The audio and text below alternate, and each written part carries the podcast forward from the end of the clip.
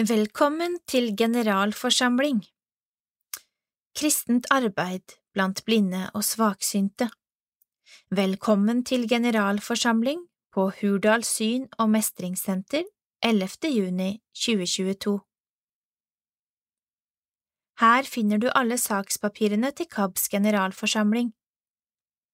Dokumentet inneholder fortløpende alle rapporter og utredninger som skal behandles på generalforsamlingen. Dokumentet har sidenummer. Regnskapsrapporter følger vedlagt. Sakslisten består av 13 saker. Flere av sakene er raske formaliteter som behandles fortløpende. Treårsmelding vil ikke bli lest opp i sin helhet, men bare gjennomgått stikkordsmessig. Deltaker bør lese seg gjennom alle dokumenter på forhånd. Strategiplanen vil presenteres mer grundig, da denne viser vei for hva KAB skal gjøre i årene fremover. Valget vil foregå lørdag ettermiddag eller senere på dagen dersom generalforsamlingen trekker ut. Generalforsamlingen har egne valgte møtedirigenter som du kan ha kontakt med underveis.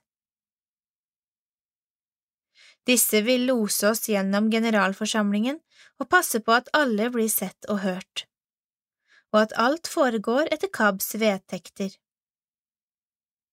Har du spørsmål, ta kontakt med KABs generalsekretær, Øyvind Woie, 420 801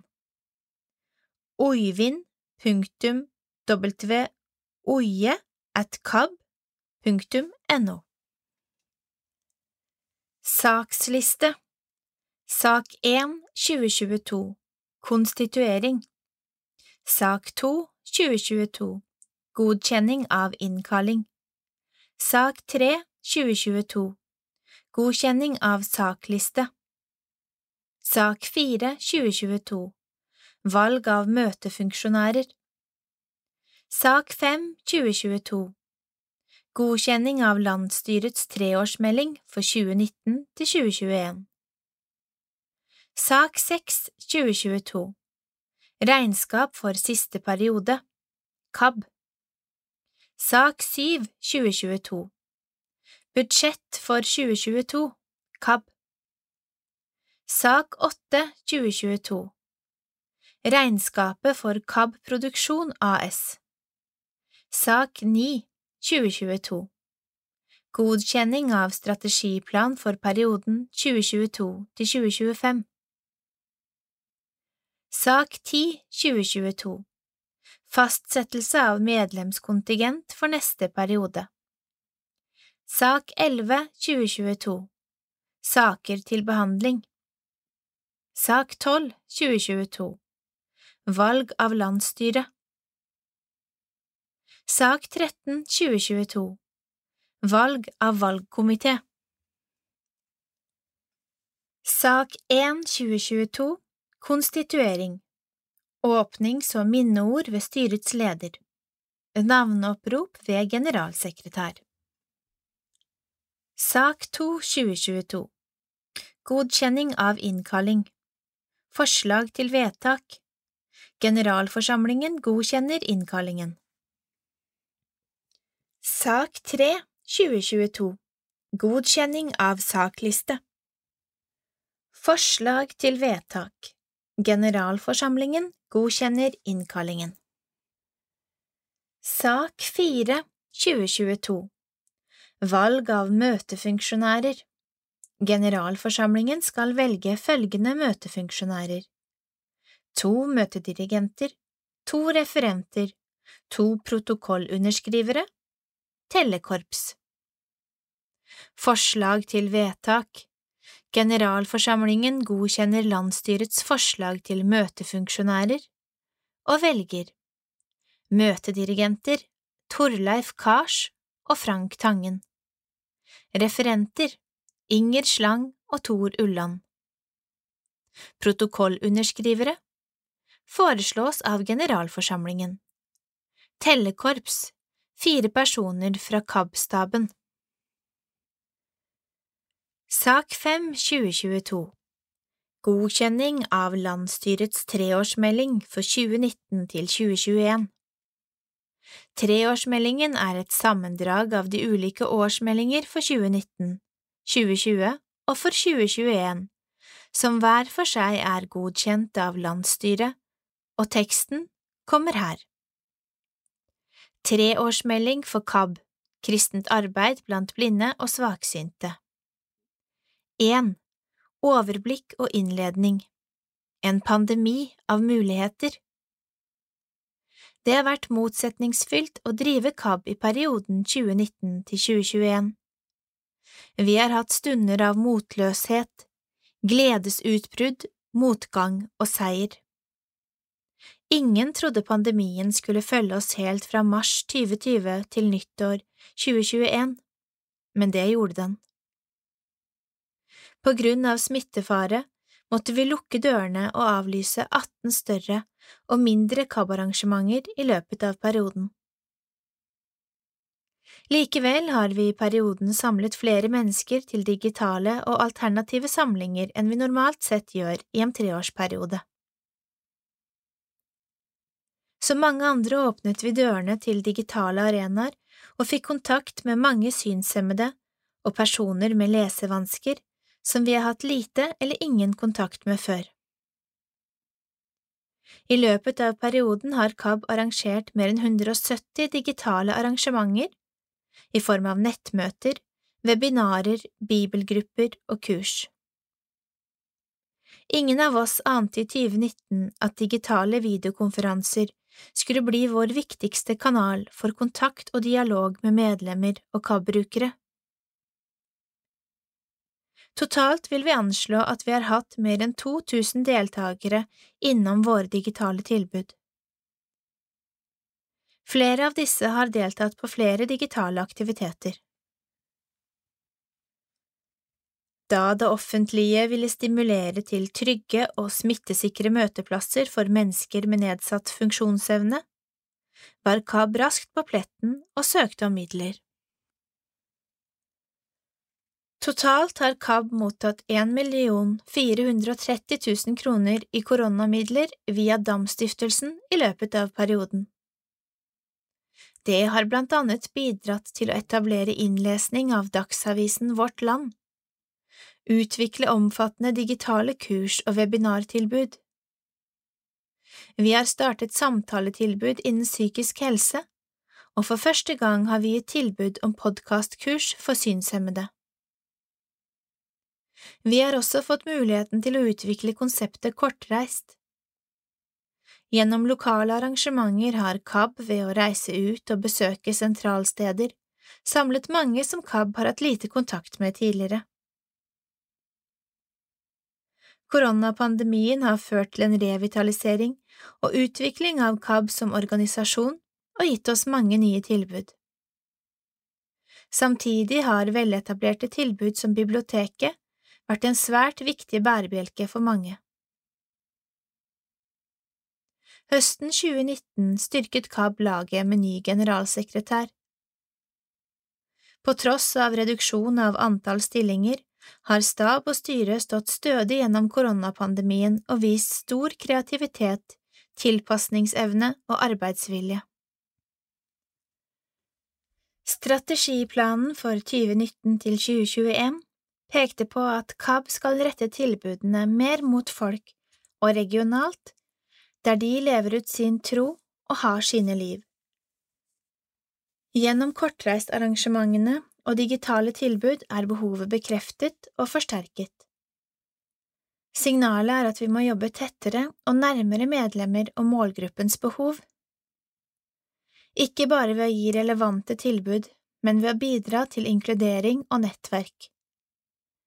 Vi må være der folk er. Å få ha og leve med funksjonsnedsettelse er en alvorlig livsomveltende, eksistensiell opplevelse.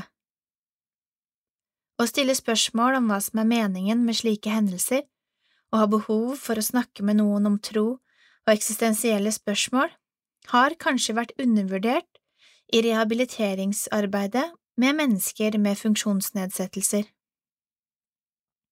KAB har kanskje i for stor grad holdt sine tilbud på innsiden av egne rekker.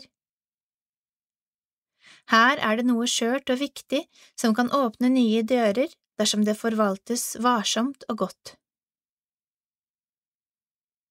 De siste tre årene har vi jobbet aktivt inn mot Den norske kirke og Norges kristne råd. Med bakgrunn i trossamfunnsloven, likestillings- og diskrimineringslovverket og CRPD, FNs konvensjon for funksjonshemmedes rettigheter, har vi tydeliggjort at kirkemedlemmer med nedsatt funksjonsevne er underrepresentert i alle sentrale demokratiske oppgaver og at de sjelden eller aldri blir hørt i beslutningsprosesser. KAB har bidratt til å få på plass igjen et tverrfaglig forum med representanter for de fleste interesseorganisasjonene, for spørsmål knyttet til funksjonsnedsettelse i Den norske kirke. Her er det mange muligheter og store oppgaver som trenger mer kunnskap og kompetanse, og som kan utløse midler for KAB. KAB har klart seg greit økonomisk gjennom pandemien og de siste tre årene. Det skyldes blant annet bidragene fra Dam-stiftelsen, og at vi har mottatt mer enn tre millioner kroner i arv og store gaver. En skal vokte seg for å budsjettere med arv, men det kan se ut som at det er en tendens til at trofaste brukere og medlemmer gjennom mange år velger å testamentere til KAB som en siste hilsen og takk for det man har fått. Gaveinntektene viser at antallet givere synker. Det er satt inn tiltak for å motvirke dette. Per i dag representerer inntekter fra det offentlige, med Nasjonalbiblioteket som største bidragsyter, midler fra legater og prosjekter om lag 70% av de totale inntektene til KAB. Fordelen med dette er at det gir stabilitet. Ulempen er tilknytning til enkeltstående prosjekter og lav fleksibilitet.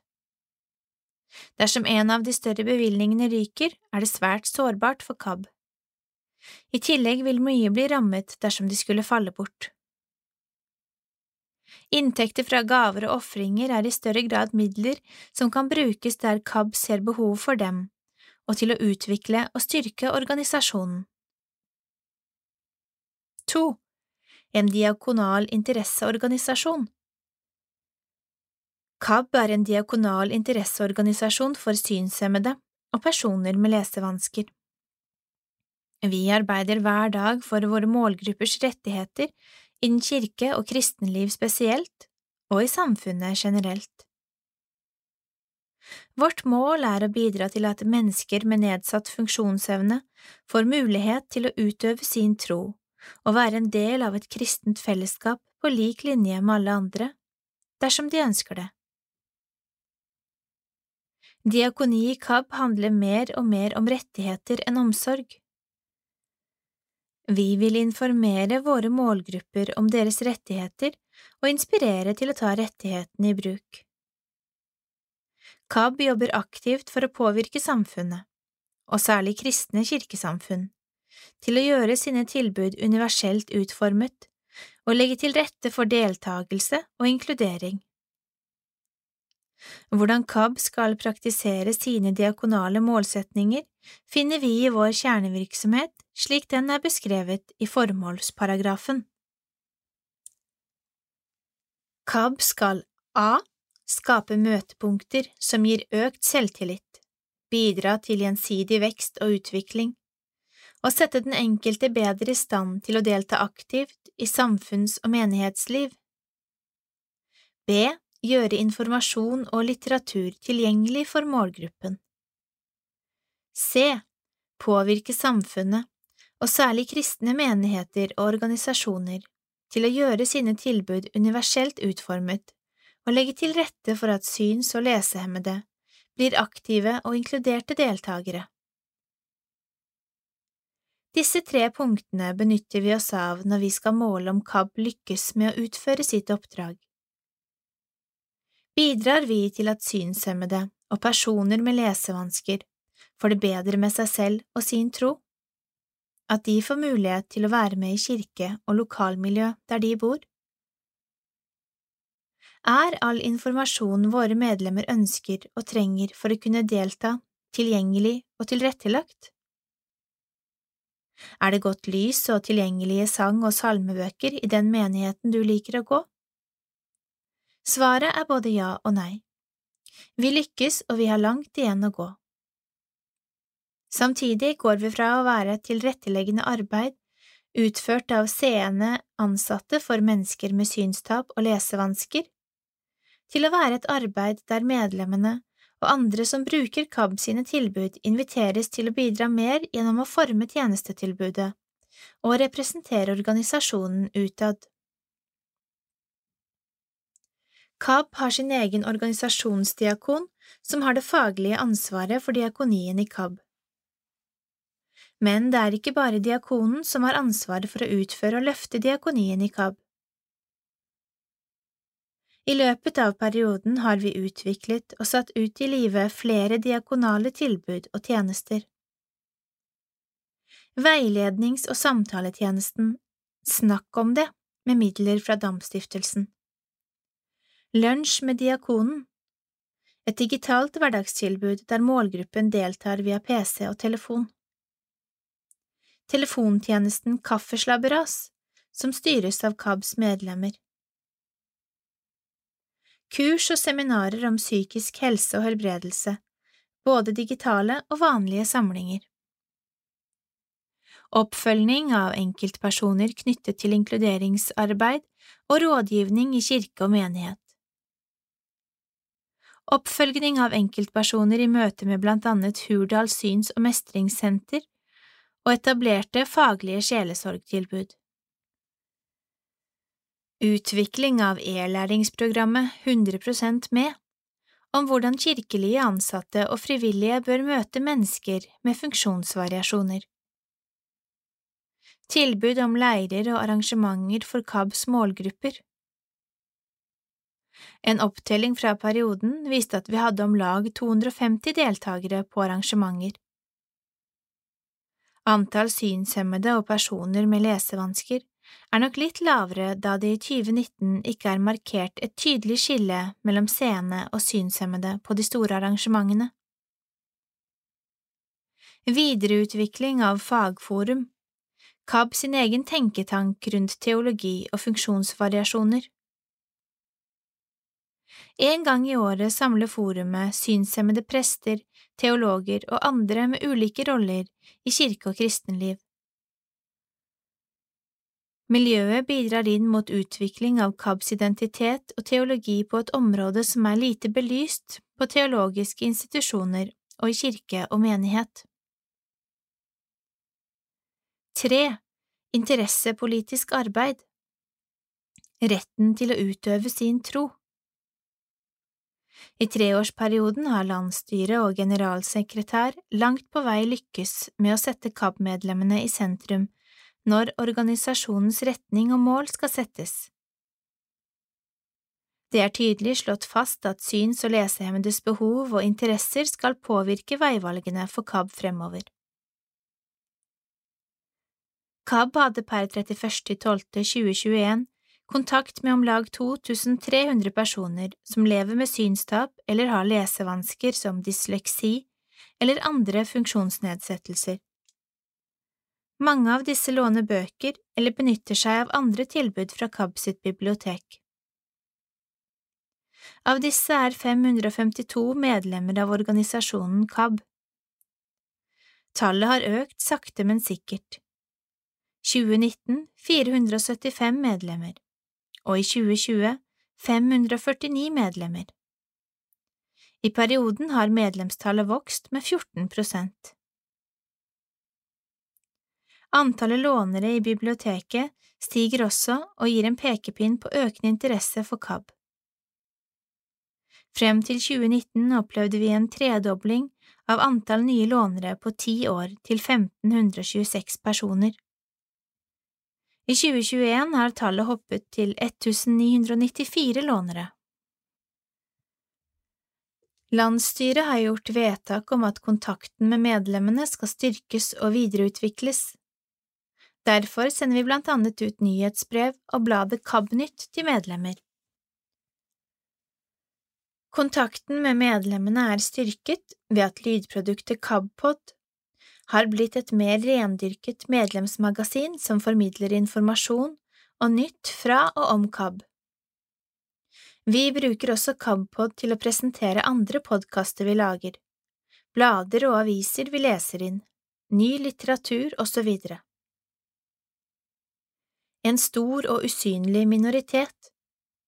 Det er viktig for KAB å synliggjøre at det er mange som har behov for våre tilbud og tjenester. I perioden har vi vist dette ved konsekvent å ta i bruk det statistiske grunnlaget for antall personer med funksjonsvariasjoner generelt og synshemmede spesielt. Basert på tall fra Bufdir, Barne- og ungdomsfamiliedirektoratet og Norges Blindeforbund mener vi at det er grunnlag for å si at det finnes om lag en halv million trossamfunnsmedlemmer i norske trossamfunn som lever med en funksjonsnedsettelse. Av disse regner vi 250 000 personer med ulike synstap. Disse tallene erfarer vi også at norske trossamfunn begynner å akseptere. Funksjonshemmede er den største minoriteten i trossamfunnene i Norge i dag. KAB jobber for at synshemmede og personer med lesevansker skal ha like rettigheter til trosutøvelse, deltakelse og inkludering i kristne trossamfunn. I perioden har utredning og innføring av trossamfunnsloven, et sterkere samfunns- og kirkelig fokus på rettighetsarbeid og lovgivning, økende krav om universell utforming og internasjonale tilgjengelighetsdirektiver bidratt til at funksjonshemmedes rettigheter har blitt styrket. Rettigheter har blitt en viktig sak i KAB, vi har blant annet deltatt i både skriftlige og muntlige høringer om trossamfunnsloven og ytret oss om viktigheten av å innføre CRPD i norsk lovverk. KAB har i perioden bidratt til opprettelsen av Kirkelig fagforum for likestilling av mennesker med nedsatt funksjonsevne innen Den norske kirke med representanter fra flere interesseorganisasjoner og tilbud for mennesker med nedsatt funksjonsevne. KAB har bidratt til å sette søkelyset på universell utforming i Den norske kirke. Dette har vi gjort gjennom å legge press på, bidra med undersøkelser og fakta, deltakelse i høringer og på kirkemøter, ytringer og kommentarer og konkrete prosjekter knyttet til trosopplæring. Den norske kirke har varslet at den vil behandle universell utforming på kirkemøtet i 2023. KAB deltar aktivt i prosessen frem dit. Vi blir omtalt som en viktig ressurs for Den norske kirke i strategiplan for likestilling, inkludering og mangfold. Forventningsdokument, policy og handlingsplan som ble vedtatt høsten 2021. KAB har i perioden mottatt prosjektmidler fra Den norske kirke til å undersøke og utvikle universelt utformet trosopplæringsmateriell. Kirkeboka mi er tilrettelagt på en unik og taktil måte ved at boken selv har blitt pakket inn i en pappeske formet som en kirke. Prosjektet har høstet mye ros. I januar 2021 etablerte Den norske kirke et utvalg for å sikre en valgordning og oppslutning som gir legitimitet til kirkens styringsorganer. Kort sagt hvem som skal få være med og bestemme og bli hørt i kirkedemokratiet. KAB har fulgt prosessen tett og påpekt utfordringer på flere områder i forhold til kirkemedlemmer med funksjonsnedsettelser. Vår målgruppe er underrepresentert og fraværende i de aller viktigste beslutningsorganene i Den norske kirke. Utvalgets leder mente KAB hadde gode poenger og tok oss inn i tolvte time, slik at det i dag er tatt med at det må jobbes særlig på dette feltet. KAB har hatt dialog og samtaler med Norges kristne råd om situasjonen for synshemmede spesielt og funksjonshemmede generelt når det gjelder tilrettelegging og inkludering i frikirkelig sammenheng. Rådet erkjenner at lite er gjort, og at det er lite bevissthet på området. Fire. Bibliotek og formidling Nye rekorder Vi har ikke lenger kun lydbøker i biblioteket vårt. Nå inneholder det også menighetsblader, podkaster og aviser og fremover vil det være e-bøker å få fra KAB også. KAB sitt bibliotek skal tilrettelegge litteratur og innhold som har med kristen trosutøvelse og praksis å gjøre. I 2021 registrerte vi 1994 lånere i KAB sin del av Norsk lyd- og blindeskriftsbibliotek. Går vi ti år tilbake, var tallet 511 lånere. I treårsperioden har antallet lånere økt med 468 lånere, eller over 30 prosent. Den siste tiden har antallet synshemmede lånere økt noe. To tredjedeler er synshemmet, og en tredjedel har dysleksi, lesevansker. Samtidig oppgir nesten halvparten at de har flere funksjonsnedsettelser. Det finnes 3888 titler i vårt bibliotek. 2199 titler er tilgjengelig for utlån. Vi har lest inn færre bøker i 2021 enn tidligere. Grunnen er at de kristne bokforlagene har redusert sin aktivitet og gir ut færre bøker. Dette skyldes at den kristne forlagsbransjen sliter med å holde salget av kristne bøker oppe. KAB må i større grad finne titler med relevant innhold på andre og eventuelt mindre forlag. Pandemien har helt klart trigget de som låner bøker også hos oss.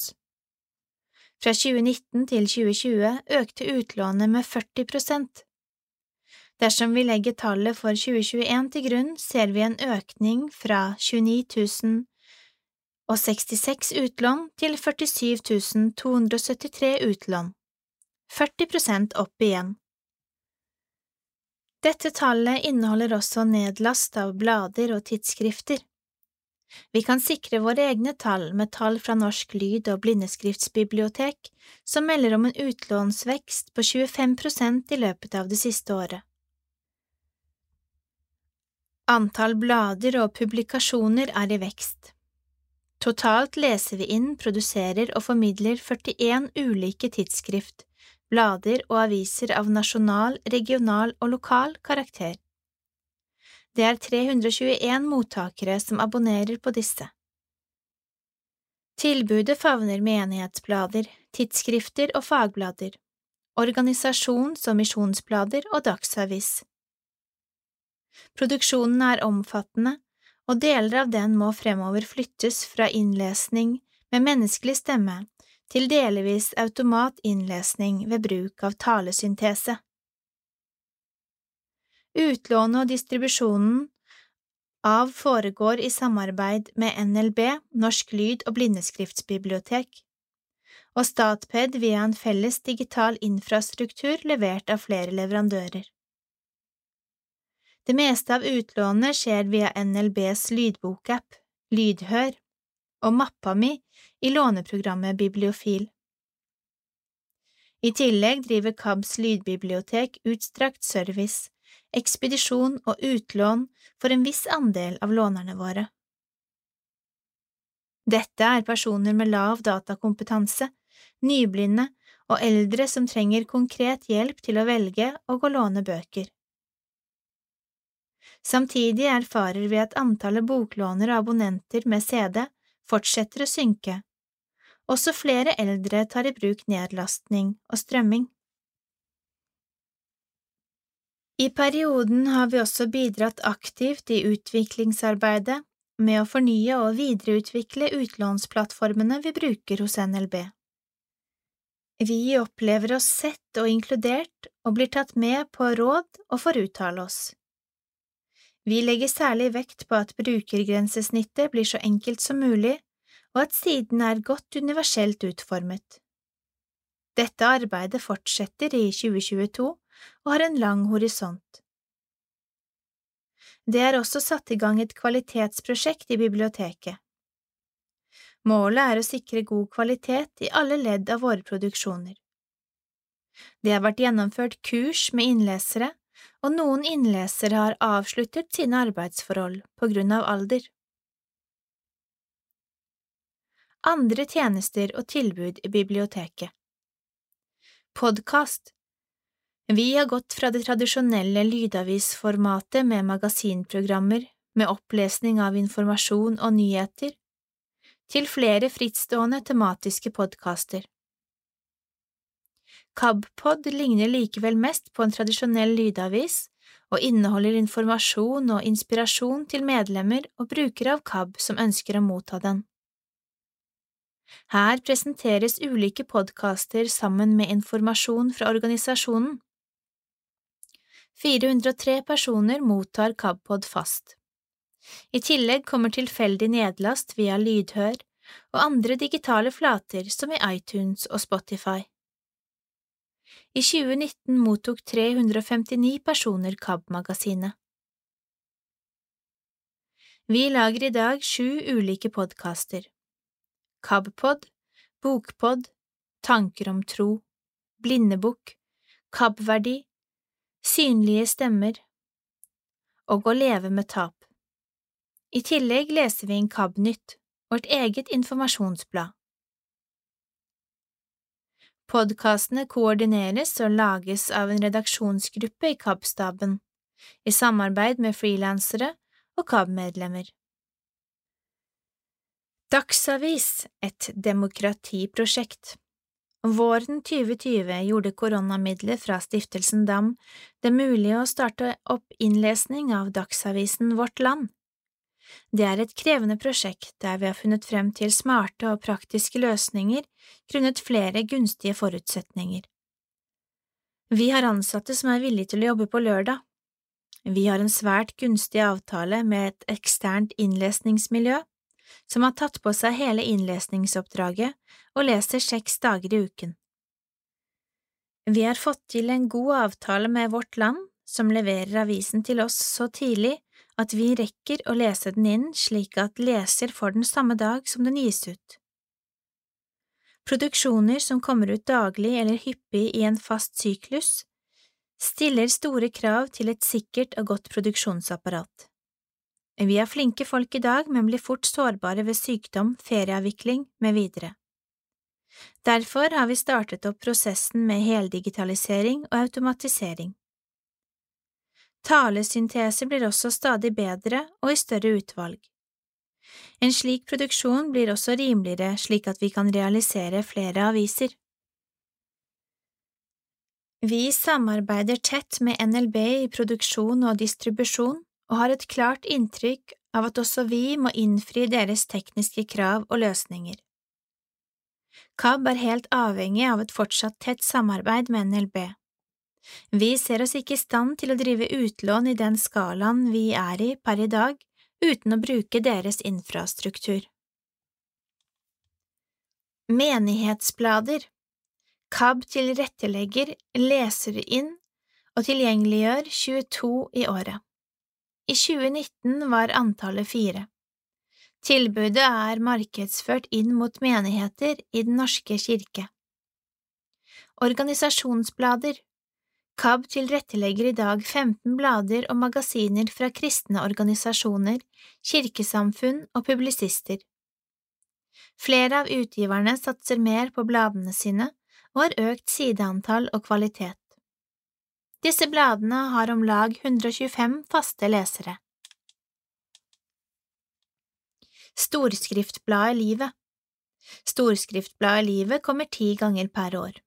Innholdet hentes fra KPK ulike blader og tidsskrifter og trykkes i forstørret skrift.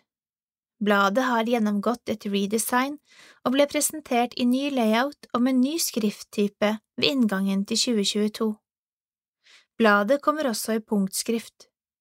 Totalt var det 86 abonnenter på Livet, 62 i 2019. Finansiering av biblioteket Den årlige støtten til biblioteket er på 3,7 millioner kroner. KAB søker årlig om et større beløp hvert år med basis i ønsket aktivitet. Tilskuddsordningen ble omgjort i 2020, slik at vi i dag er plassert direkte under Nasjonalbiblioteket og mottar støtte fra KAP 326 post 80, tilskudd til tiltak under Nasjonalbiblioteket. KAB er ikke fornøyd med plasseringen da posten er kjent for å være vanskelig å endre. Kari Henriksen Ap løftet problemstillingen politisk og fikk som svar fra kultur- og likestillingsminister Abid Raja at støtten til KAB sitt bibliotektilbud er generell og gir KAB frihet til å disponere midlene som mottas, ved at KABs landsstyre selv setter sine egne mål og prioriteringer. Dette betyr at mer enn ren bokproduksjon kan ligge under biblioteket, så lenge vi holder oss innenfor rammene av at vi er et bibliotek. Fem arenaer for trosfellesskap og livserfaring KAB arrangerer hvert år leirer og andre velferdstiltak for syns- og lesehemmede. Undersøkelser viser at synshemmede opplever større grad av ensomhet enn andre. Kontakten med andre begrenses fordi et synstap også gir begrensninger i å reise og bevege seg på ukjente steder. Mange er avhengig av ledsagerhjelp og bistand. 2019 var det nærmeste vi kommer et normalt leirår i KAB. Det ble arrangert ni leirer, kurs og turer for 90 synshemmede deltakere. Noen deltok flere steder. Arrangementene ble holdt både i Norge og i Spania og for alle aldersgrupper. Vi vil spesielt trekke frem nyskapningen LAN, dataspillhelg for 14 synshemmede ungdommer.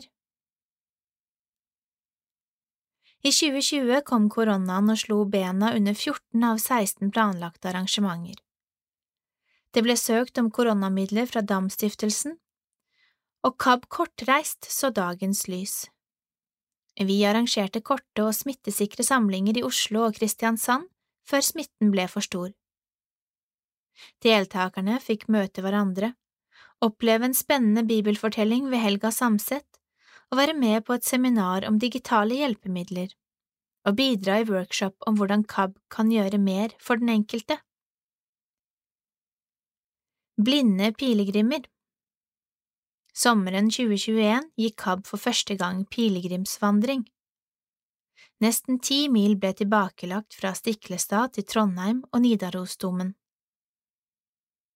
Dette var et pionerprosjekt for å erfaringer med å gå pilegrimsvandring med synshemmede. Pilegrimsvandring passer godt for synshemmede. Det gir både god gruppefølelse og opplevelse av mestring. Det å vandre sammen i fellesskap der vi må tilpasse oss og bistå hverandre, er en god aktivitet. Vandringen gjennom kulturlandskap og natur gjør at de sanselige inntrykkene blir sterke for alle. Pilegrimens åndelige vandring fungerte godt, da innhold lett kan tilgjengeliggjøres og alle kan delta. Den taktile opplevelsen og synstolkede besøk i kirkerom bidrar til ny innsikt og kunnskap. KAB bør legge opp til flere slike vandringer. Tjuvstartet før Norge åpnet Da statsminister Erna Solberg åpnet Norge høsten 2021, var KAB allerede i gang med kortreist igjen. Vi planla besøk i Trondheim, Bergen, Stavanger og Sandefjord, men måtte avlyse Oslo på grunn av smittesituasjonen. Det var til sammen 115 medlemmer og brukere som meldte seg på alle kortreistarrangementene siden vi startet i 2020. Det er flere deltakere enn vi normalt samler på en storsamling i KAB. Alle disse traff vi i nærheten av deres hjemmemiljø. Kortreist er et viktig tiltak som er et enkelt arrangement å arrangere da programmet er ganske likt alle steder. Det kom frem mange konkrete ønsker knyttet til lokal kirke og menighet. Alt fra behov for KAB som støttespiller i møte med lokal menighet, til behovet for tilrettelagt salmebok eller annen tilrettelegging. Erfaringen er at vi ønsker å fortsette med kortreistarrangementer. KAB mottok totalt 1 430 000 kroner i støtte fra Stiftelsen DAM til ulike koronatiltak. Noen av disse midlene løper også inn i 2022. Nye digitale arenaer I strategiplan for inneværende periode står det at KAB skulle teste ut digitale møteplasser. Da koronaen feide all fysisk aktivitet av banen, var KAB av de første til å gi en rekke digitale tilbud. Vi etablerte en oppmuntringstelefon Folk kunne ringe og lytte til blant annet Egil Svartdals populære plussord. Vi testet ut en nettradio som hadde rimelig god oppslutning, men hadde en dårlig teknisk løsning. KAB bør etablere fast nettradio. Med midler fra KSTUD hadde vi allerede avklart sammen med Media LT at Zoom var den beste plattformen for syns- og lesehemmede. En fordel er at deltaker også kan ringe inn fra telefonen sin. Antallet kurs, webinarer, samlinger, treff og møter ble svært høyt. Dette hadde ikke vært mulig uten ansatte som er villige til å bruke mange kvelder foran PC og webkamera, og med stor kreativitet har produsert innhold og et stort og variert tilbud. Totalt anslår vi at vi har hatt 2200 deltakere innom minst 170 ulike samlinger fra våren 2020 til utgangen av 2021. Mange har deltatt på flere tilbud.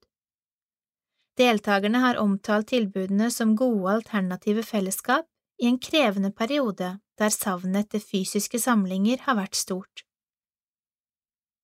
Mange har hatt læringsutbytte av ulike kurs fått hjelp til å takle psykiske utfordringer i hverdagen og hatt glede av kontakt og fellesskap med andre syns- og lesehemmede. Det mest utfordrende kurset var nok fotokurset for svaksynte og blinde. Kursholder og fotograf Pål A. Berg fikk virkelig bryne seg som lærer da han skulle undervise synshemmede i hvordan man tar bedre bilder uten å være til stede i samme rom. Berg gav uttrykk for at møtet med de synshemmede fotografene er noe av det mest givende han har deltatt på. Den største nettsamlingen vår var ved hypokonderlegen Ingvar Wilhelmsen. Den hadde 500 deltakere. De minste samlingene har kanskje likevel vært de viktigste. I løpet av perioden har vi etablert lunsj med Diakonen som et fast treffsted bibelgrupper og andre ukentlige samlinger rundt bibeltekster og kristen trosformidling. Nettmøtene våre har vært vårt største lokallag. Seks spesielle prosjekter i perioden Synlige stemmer Skriveprosjektet Synlige stemmer har rullet i hele perioden og gitt ulike bidrag til KAB sine nettsider og ulike publikasjoner. Våre synshemmede skribenter har deltatt på skrivekurs og skriver artikler og kronikker basert på egne erfaringer. Salmebok for alle Vi har startet opp et prosjekt med å revidere og tilrettelegge salmeboken for Den norske kirke til bruk i kirkelige handlinger og gudstjeneste for personer med synsnedsettelser, lesevansker og eller dysleksi. Salmeboken i punktskrift er dårlig praktisk tilrettelagt. Med utgangspunkt i en digital utgave av salmebøkene vil vi tilgjengeliggjøre innholdet i det formatet som passer best for den som skal bruke boken. Trykket punkt og storskrift, digital punkt og storskrift, innleste utgaver og utgaver med noter i punkt. Magne Bjørndal har bidratt med en stor konverteringsjobb av punktutgaven. E-læring 100% med. Det har vært et krevende, men viktig arbeid å få på plass e-læringskurset. I tillegg til forsinkelser grunnet koronaen, så har en møtt på flere tekniske utfordringer som en har vært nødt til å løse. I samarbeid med en ekstern konsulent er det laget innhold som handler om hvordan kirkelige ansatte og frivillige kan møte og bistå mennesker med funksjonsnedsettelser. Kurset er tatt inn i kurskatalogen til Den norske kirke, der alle ansatte skal gjennomføre det. Nettbutikk for nedlast av bøker I samarbeid med det digitale selskapet Brainify har KAB utviklet en enkel nettbutikk for salg og nedlast av lydbøker og lydprodukter. Her kan folk kjøpe og laste ned lydbøker og bygge opp sitt eget bibliotek på mobiltelefonen og betale med VIPS. Driften av nettbutikken må løpende vurderes opp mot om den gir et overskudd som kan tilbakeføres til KAB. Cornerstone og samarbeid med Knif Fundraising KAB må fornye verktøy og kompetanse innen innsamling. Tradisjonelt har innsamling i KAB dreid seg om å sende ut oppfordringer i form av ulike brev og aksjoner der man ber om en gave. De senere årene har det etablert seg en kjerne med personer som gir fast hele året. For å utvikle dette videre og for å få bedre oversikt over innsamlingsresultater, har KAB tatt i bruk Cornerstone.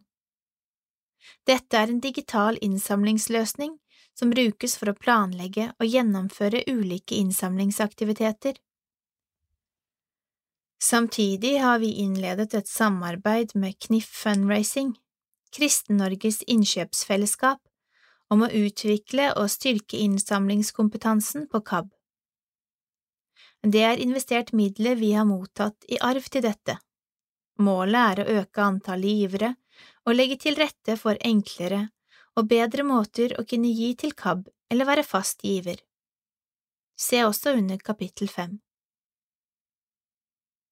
Innlesning av Bibelen på nynorsk KAB har lest og produsert hele Bibelen på nynorsk i lydutgave. Innspillingene er gjort hos en ekstern samarbeidspartner. KAB har ikke kapasitet eller gode nok tekniske fasiliteter til å gjennomføre slike prosjekter alene. Det er Helga Samset og Anders Eide som har stått for innlesningen. Studioeier og tekniker Torstein Lindås har vært avgjørende for kvaliteten på innspillingen. Frank Tangen har vært prosjektleder fra KAB.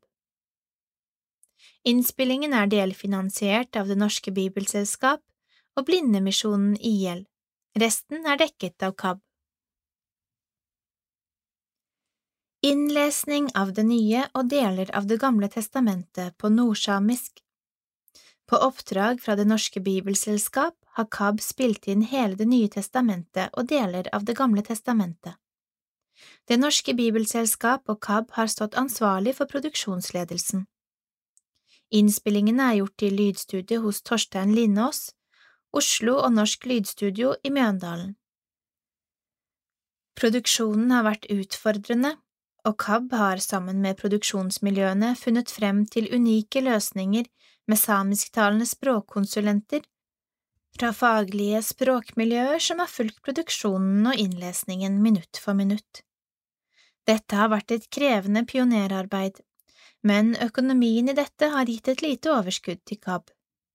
Prosjektlederne har vært Frank Tangen, Øyvind Woie og Sven Gøran Mikkelsen i Norsk Lydstudio AS. Innspillingen er også et viktig språkpolitisk prosjekt der KAB får bidra som aktør og sette et kvalitetsstempel på dette. Bibelselskapet er svært fornøyd med produksjonen som fortsetter i 2022. Tilrettelagt utgave av kirkeboka mi Høsten 2021 lanserte vi endelig kirkeboka mi. Dette har blitt et unikt produkt som er tilrettelagt for alle. Produktet er utviklet av KAB sammen med designbyrået Dalsgren, Grønn emballasje og den skjermede trefordelingsbedriften Jobberiet. Den trykte boka ligger i en pappeske som er formet som en taktil kirke. Denne kan brukes til lek sammen med fem trefigurer og andre leker som stimulerer barn og voksne til fantasi og aktivitet. Teksten i boka er spilt inn i en gjenfortalt utgave med lydeffekter. Boken har fått svært god mottakelse hos forlaget IKO, og er i salg til både synshemmede og seende. Pakken selges til subsidiert pris til syns- og lesehemmede, og koster da det samme som papirutgaven, 129 kroner. Andre må betale 399 kroner. Syv Informasjon og innsamling KAB driver et aktivt informasjons-, innsamlings- og påvirkningsarbeid. Dette bidrar til større innsikt og forståelse for syns- og lesehemmedes ulike behov for tilrettelegging. KAB har egne hjemmesider på www.kab.no. KAB er aktiv på sosiale medier som Facebook, Instagram og Twitter. KAB hadde flere annonser i Dagen og Vårt Land i perioden. Giver- og medlemssystemet Cornerstone gir oss oversikt over løpende innsamlingsaksjoner og inntekter fra disse. Hovedtrendene i innsamlingsarbeidet fortsetter. Vi mister flere givere. Flere dør enn vi klarer å rekruttere. Gaveinntektene er forholdsvis stabile, men burde vært høyere for å gi bedre lønnsomhet og trygghet i innsamlingsarbeidet. Cirka to millioner per år. Fastgiverinntektene er stabile og litt stigende. Ofringer fra kristne menigheter var på vei opp før koronaen kom. KAB utgir informasjonsbladet KABnytt to til fire ganger i året. Bladet går til kirkesamfunn, kirkelige ansatte, fagpersoner, medlemmer og personer som ønsker å støtte arbeidet økonomisk. Bladet er under vurdering. Givere får også KAB 20XX, en firesiders trykksak med fokus på hva KAB tilbyr og bidrar med, og en aksjonsgiro. De siste årene har KAB mottatt flere større enkeltgaver og testamentariske gaver. Dette har bidratt til handlingsrom og videreutvikling. I 2020 kom det for eksempel en arv på 2 542 500 kroner fra en forholdsvis ukjent bruker av KAB sine tjenester og tilbud gjennom flere år. Åtte Samarbeid KAB samarbeider med Norges Blindeforbund, Dysleksi Norge og flere interesseorganisasjoner for funksjonshemmede. Ulike organisasjoner og kirkesamfunn, ved at vi tilrettelegger deres blader, etc. for syns- og lesehemmede. Mange norske forlag om produksjon og tilrettelegging av lydbøker strømmetjenesten Storytale om strømming av lydbøker på deres plattform. Inntekten er økende og ligger nå vel på rundt 300 000 kroner. Bibelselskapet for å tilrettelegge bibler for synshemmede og personer med lesevansker og dysleksi. Den norske kirke gjennom Kirkerådet, på bispedømmeplan og lokale menigheter. Norsk lyd- og blindeskriftsbibliotek om tilrettelegging og produksjon av litteratur, informasjon og annet innhold. Vi har felles produksjons- og distribusjonsløsning og bidrar aktivt i utviklingen av bibliotektjenestene. Med Den katolske kirke om innlesning av deres hovedorganer. KAB har en fast representasjon i Kirkelig fagforum for likestilling av mennesker med funksjonshemming. KAB er høringsorgan i ulike saker som angår funksjonshemmedes rettigheter innen kirke og samfunn. KAB er i dialog med VAKE, Kirkelig ressurssenter mot seksuelle overgrep og Norges kristne råd om tettere samarbeid. KAB er medlem i KSTUD, Menneskeverd, Frivillighet Norge, KA, Kirkelig arbeidsgiverforening, og gir råd og veiledning i saker som angår funksjonshemmede i Den norske kirke. Kristen Riksradio og Norsk Daisy Konsortium, NDK. KAB mottar støtte fra flere departement, direktorat til ulike oppgaver som KAB gjør. Tilskudd fra Kulturdepartementet via Nasjonalbiblioteket til drift av biblioteket til KAB. KAB mottar tilskudd som forvaltes av Bufdir til organisasjoner som arbeider med mennesker med nedsatt funksjonsevne. KAB mottok støtte fra Blindemisjonen IL til arrangementer i 2021. KAB sitt landsstyre er årsmøte i Foreningen Midthun. Høsten 2021 vedtok årsmøtet at foreningen bør selge feriestedet Casa Montana. Årsaken er at den økonomiske utviklingen har vært negativ på tross av utleie de senere årene.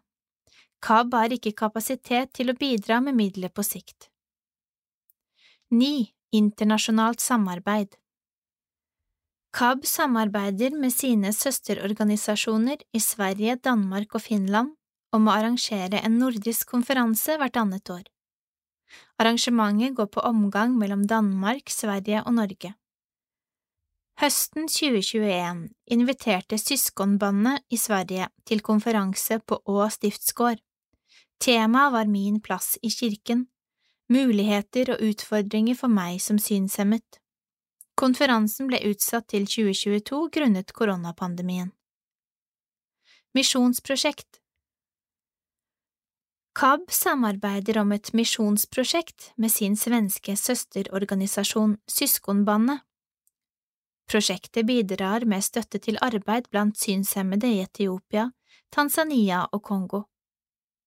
KAB har forpliktet seg til å bidra med 25 000 kroner i årlig støtte til prosjektet.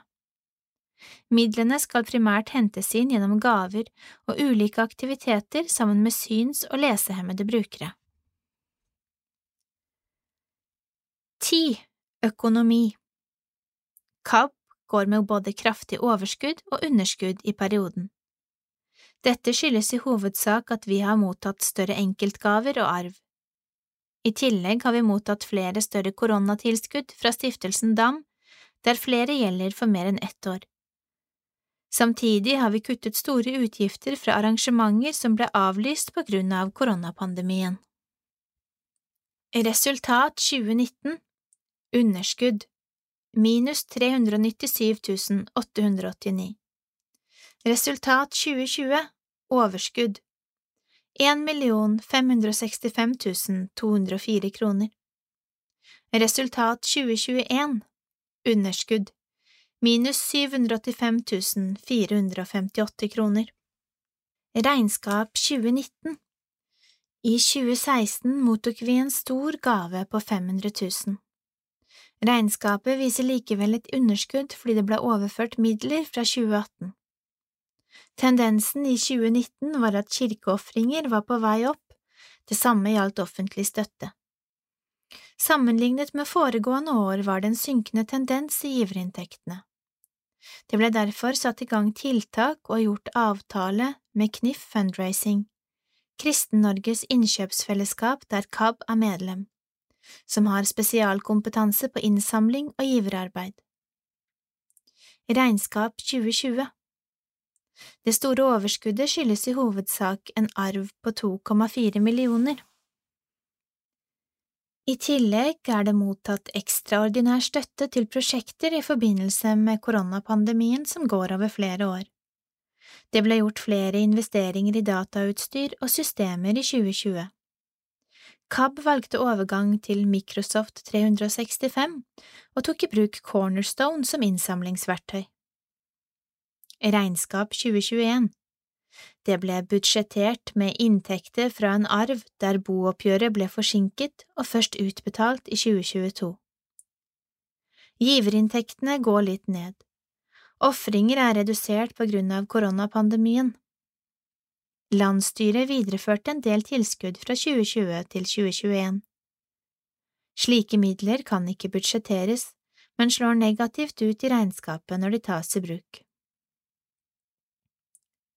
Lønnsomhetsprinsipp Landsstyret har i perioden fokusert på at salgstiltak og tjenester rettet mot andre enn KABs målgruppe skal ha som prinsipp at de gir et økonomisk overskudd som skal tilføres driften av KAB.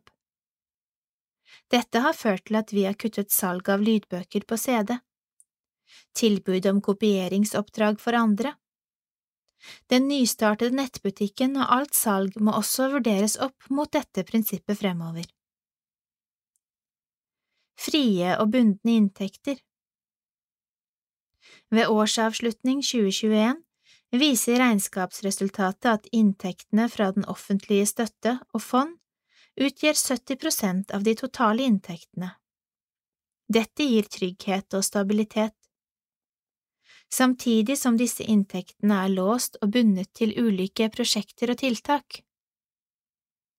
Samtidig er det viktig å legge merke til at driftsstøtten til biblioteket ikke i så stor grad er bundet til å produsere lydbøker. Men KAB trenger frie midler som gir handlingsrom for utvikling av våre tilbud og tjenester. Dette utgjøres i hovedsak av gaveinntektene, som givertjeneste, enkeltgaver og kirke- og menighetsofringer. Interesseorganisasjonen KAB skal videreutvikles og ha sine egne strategier for hvordan vi skal nå våre målsetninger. For å øke gaveinntektene må KAB øke sin kompetanse og innsats innen fundraising. Samtidig vil en slik innsats måtte veies opp mot inntektene det faktisk gir, og hva som skal være KABs innsamlingsbudskap. Det siste har en etisk side som landsstyret har pekt på må drøftes. Med de store bidragene følger også en viss sårbarhet, dersom de skulle falle bort.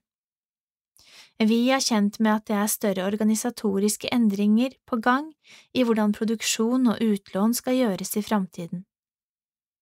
Dersom KAB skulle miste sin driftsstøtte til bibliotektjenester, så vil det ramme KAB hardt. Vi ser også at det finnes muligheter for å øke inntektene med bakgrunn i behov for mer tilrettelegging og rådgivning knyttet til synshemmede og personer med dysleksi og lesevanskers rettigheter til trosutøvelse. KAB bør ikke sponse eller finansiere tilbud og tjenester som de kristne trossamfunnene har ansvar for å tilrettelegge selv. Vårt mål er å peke på utfordringer og løsninger knyttet til funksjonshemmedes rett til å utøve sin tro og delta i kristne menigheter og fellesskap. Gaveinntekter fra givere og ofringer 2019 To millioner 543 953 kroner Enkeltgave på 500 000 er i dette tallet. 2020 fire millioner seks hundre og femtifem tusen tre hundre og femtifem kroner, inkluderer en arv på to millioner fem hundre og tjuetre tusen fire hundre og seks kroner og en enkeltgave på 100 000 kroner. 2021 en million ni hundre og tjueen tusen seks hundre og fjorten kroner. KAB har ca. 1000 givere som støtter arbeidet med ulik hyppighet. Av disse er ca 270 i en fast og forpliktende givertjeneste. Mange givere har oss trolig som en nummer to eller tre organisasjon, men de gir likevel ganske trofast når vi har en utsending. Et tiltak fremover er å motivere dem til å flytte over på fast givertjeneste, da det er kostnadskrevende å sende ut papirsendinger. Flertallet av givere er fra 75 år og oppover, 56 prosent. Bare 18 prosent er under 65 år. Giverne er trofaste, men de varer ikke evig. Derfor mister vi flest givere på grunn av dødsfall. Vi har en betydelig jobb foran oss med å skaffe nye, yngre givere.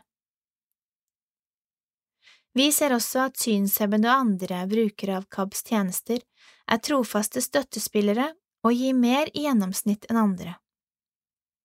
Ved å legge bedre til rette for at den enkelte kan gi slik en selv ønsker, for eksempel med VIPS, og å formidle mer tilrettelagt giverinformasjon i for eksempel punkt og storskrift, tror vi synshemmede også vil bidra mer, da så godt som alle tjenester i KAB i dag er gratis, med unntak av fysiske arrangementer. 11. Organisasjon Landsstyret for perioden 2019 til 2022 har bestått av Kjersti Lium, leder, Sissel Bredvei, nestleder, Heidi Andersen Madsen, tredje styremedlem. Ove Herskia, fjerde styremedlem. Mette Lilleeng, femte styremedlem. Marianne Skil Reinsnes, første varamedlem. Katrine Ahlsen, andre varamedlem. Bjørn Hansen, tredje varamedlem. Kari Kvernusengen Underland, ansattes representant. Hilde Løveen Grumstad, vara for ansattes representant. Da Kari Kvernusengen Underland sluttet i KAB høsten 2021, gikk Hilde Løven Grumstad inn som fast medlem. Det ble ikke valgt noe nytt varamedlem. Landsstyrets arbeid i perioden Landsstyret har de siste tre årene hatt 19 møter. Syv i 2019, seks i 2020 og seks i 2021. I tillegg har det vært enkelte møter i AU. I perioden har styret behandlet 186 saker, 62 i 2019, 53 i 2020 og 71 i 2021. Grunnet koronapandemien har det i deler av perioden vært vanskelig å samle landsstyret til fysiske møter. Derfor har de fleste møtene fra mars 2020 til utgangen av 2021 vært avholdt som digitale møter via Zoom. For å kompensere har det vært holdt et par møter over to dager. Det har styrket fellesskapet i styret og vært til inspirasjon. Styreleder har hatt god dialog og jevnlig kontakt med generalsekretær og deltatt i flere møter sammen med ansatte på KAB-huset. Lokalisering av KAB Styret har spesielt i perioden drøftet hvor KAB bør være lokalisert. Det ble nedsatt en arbeidsgruppe som besto av Kjersti Lium, Ove Heskja, tillitsvalgt fra KAB og generalsekretær. Til grunn for styrets arbeid med lokalisering ligger målsetningene i den gjeldende strategien og KABs formålsparagraf. Arbeidsgruppen konkluderte enstemmig med at KAB bør flytte sitt hovedkontor til Oslo, og primært nye Kirkens Hus.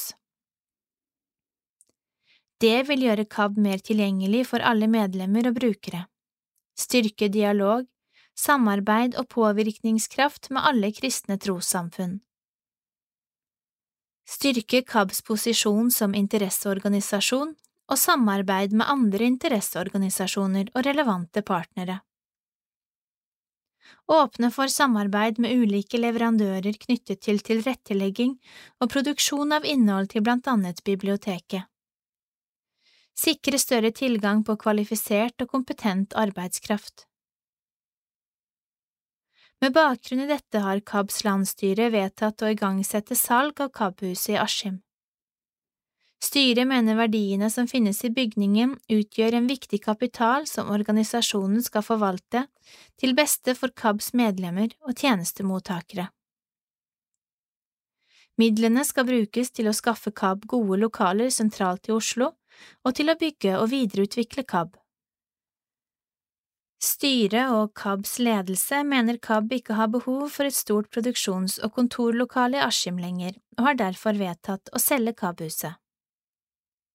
Strategi 2022–2025 Landsstyret oppnevnte også et strategiutvalg som fikk i oppdrag å komme med forslag til ny strategi for perioden 2022 2025, som skal vedtas på generalforsamling 2022. Utvalget tok inn medlemmer fra forrige strategiutvalg, med tillegg av noen nye, og har bestått av Kjersti Lium, Mette Lilleeng, Sissel Bredvei, Kristoffer Lium, Benedikte Aas, Øyvind Woie. Frank Tangen ble utnevnt til utvalgets sekretær. Salg av Casa Montana KABs landsstyre er også årsmøte, generalforsamling i foreningen Midthun. I samarbeid med styret for foreningen har landsstyret kommet frem til at foreningen Midthun bør selge Casa Montana i Spania. Eiendommen har i noen grad vært benyttet til arrangementer for KAB. Men styret har erfart at det blir for dyrt og for lite klimavennlig å frakte grupper til Casa Montana. Driften av stedet viser også et løpende underskudd, og KAB ønsker ikke å bruke innsamlede midler på stedet på sikt. Frem til i dag er dette sikret med midler fra foreningens kasse og har ikke belastet KAB. Årsmøtet i KAB har enstemmig anbefalt salg. Et eventuelt overskudd av salget vil komme KAB til gode. Lokalforeninger Det er tre lokalforeninger tilknyttet KAB. Oslo og Omegn Forening av KAB Vest-Agder Forening av KAB og Stavanger Forening av KAB. Det har vært svært begrenset aktivitet i deler av perioden grunnet koronapandemien. Flere møter har vært avlyst eller utsatt, men det er gjennomført årsmøter og valg av styre i perioden. Aust-Agder Forening av KAB har blitt omgjort til en ren venneforening uten styre. Det pågår en samtale i Agder om å slå sammen de to foreningene til en forening med felles styre og aktiviteter. Lokalt arbeid er viktig for å utvikle KAB videre. Lokalforeningene er en svært viktig ressurs og kan være KABs viktigste kontaktpunkt der folk bor og lever med livet og troen sin. Gjennom koronatiltaket KAB Kortreist har vi knyttet mange nye kontakter på steder der vi ikke har hatt lokalt arbeid. Det jobbes videre med å utvikle modeller for hvordan det lokale arbeidet fra KAB kan organiseres. Landsstyret har også gjort et utredningsarbeid for å legge til rette for å utvikle mer frivillig arbeid i KAB. Dette innebærer også likepersonsarbeid. Det er vedtatt at det skal settes av stillingsressurser til å jobbe tettere og bistå mer i det lokale arbeidet. 12. Personale Faste ansatte i KAB per 31.12.21 Hilde Løven Grumstad, 80% organisasjonsdiakon Kjetil Herås, 100% teknisk driftssekretær Elspieta Milovska, 25 prosent renholdsmedarbeider. Inger Slang, 100 prosent administrasjonsleder. Heidi K. Engsvik Stomberg, 80 prosent kontorsekretær. Heidi Krusinski Vestby, 100 prosent biblioteksekretær. Øyvind Woie, 100 prosent generalsekretær Frank Tangen er innleid som konsulent og jobber som kommunikasjonsrådgiver. Ansatte som har sluttet i KAB i perioden Jon Ivar Dypedal Jørgen Øyvåg og Kari Kvernhusengen Underland Det er ikke ansatt noen nye i noen av disse stillingene. Anne Sande og Kurt Ove Mæland er ansatt i engasjementer og har overtatt en god del av oppgavene. Resten er fordelt eller endret. KAB har kontakt med flere faste innlesere som tar på seg ulike oppdrag. KAB benytter seg av både innleid og frivillig hjelp til pakking og utsendelse av innsamling og informasjonsmateriell, som ledsagere og ledere på arrangementer. Forslag til vedtak Generalforsamlingen godkjenner landsstyrets treårsmelding for perioden 2019 til 2021. Sak 6 2022 Regnskap for siste periode, KAB Regnskapet finnes på eget dokument og er vedlagt. Forslag til vedtak Generalforsamlingen tar til orientering resultatregnskap og balanse med noter for 2019, 2020 og 2021 for KAB. Sak 7 2022 Budsjett for KAB 2022 Budsjettet for 2022 finnes i et eget dokument og er vedlagt. Forslag til vedtak Generalforsamlingen tar til orientering budsjett for 2022 for KAB. Sak 8 2022 Regnskap for KAB Produksjon AS Regnskap for KAB Produksjon AS finnes i et eget dokument og er vedlagt. Forslag til vedtak Generalforsamlingen tar til orientering resultatregnskap og balanse med noter for 2020 og 2021 for KAB Produksjon AS. Sak 9 2022 Godkjenning av strategiplan for perioden 2022 til 2025 Landsstyrets forslag til strategiplan 2022 til 2025 Strategiutvalget har bestått av Kjersti Lium, Mette Lilleng, Sissel Bredvei, Benedikte Aas, Kristoffer Lium, Øyvind Woie og Frank Tangen, sekretær. I tillegg til selve planen foreslår utvalget følgende for strategiplanens funksjonstid. Planen trer i kraft umiddelbart etter vedtak på KAB sin generalforsamling 2022 og gjelder fram til generalforsamlingen i 2025. Generalsekretær utarbeider handlingsplaner på basis av strategien i samarbeid med styret. 1. Situasjonsbeskrivelse KAB står ved et vendepunkt. Bak oss ligger en langvarig og rik historie som strekker seg tilbake til det første kristne vennelaget som ble stiftet i 1933. Da bestemte en liten håndfull synshemmede seg for å gjøre noe for å bedre sin egen situasjon som utøvere av den kristne tro. På initiativ fra Hjørdis Minge ble det dannet en forening som skulle sørge for at kristne synshemmede fikk, tilgang på Guds ord i en tilrettelagt form som de selv kunne lese, oppfatte og dele.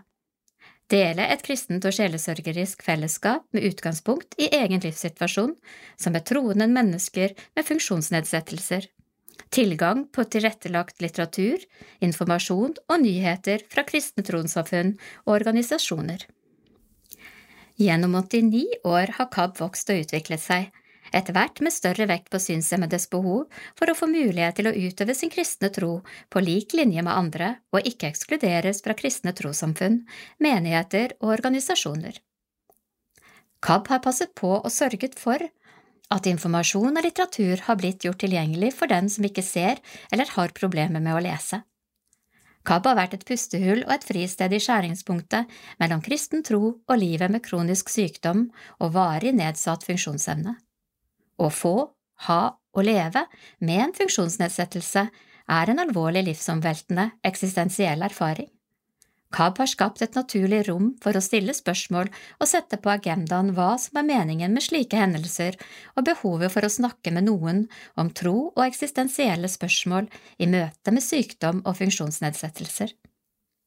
Gjennom tilrettelagte arrangementer, kurs, leirer, lokalforeninger, turer, nettsamlinger har vi bygget opp et levende og rikt fellesskap til utvikling, styrke og glede for den enkelte. KAB har vært flinke til å ta i bruk teknologi for å sørge for effektiv tilgang på litteratur og informasjon. Lydbånd, kassetter og CD-plater har båret tusenvis av timer med innleste lydbøker og lydaviser frem til ørene til folk.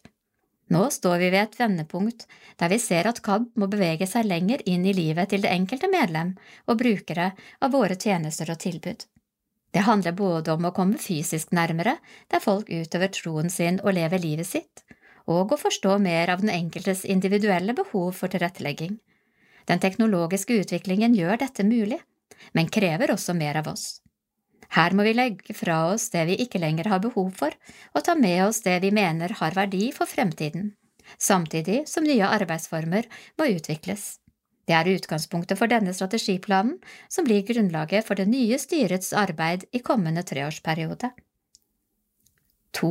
Verdigrunnlag Vi vil møte alle mennesker med respekt for den enkeltes liv og tro. Alle har en plass i Guds mangfoldige skaperverk. Alle har samme menneskeverd og rett til likeverd og likestilling. KAB er en diakonal organisasjon. Vårt verdigrunnlag er den felles kristne tro, slik den er uttrykt i Bibelen og den apostoliske trosbekjennelsen.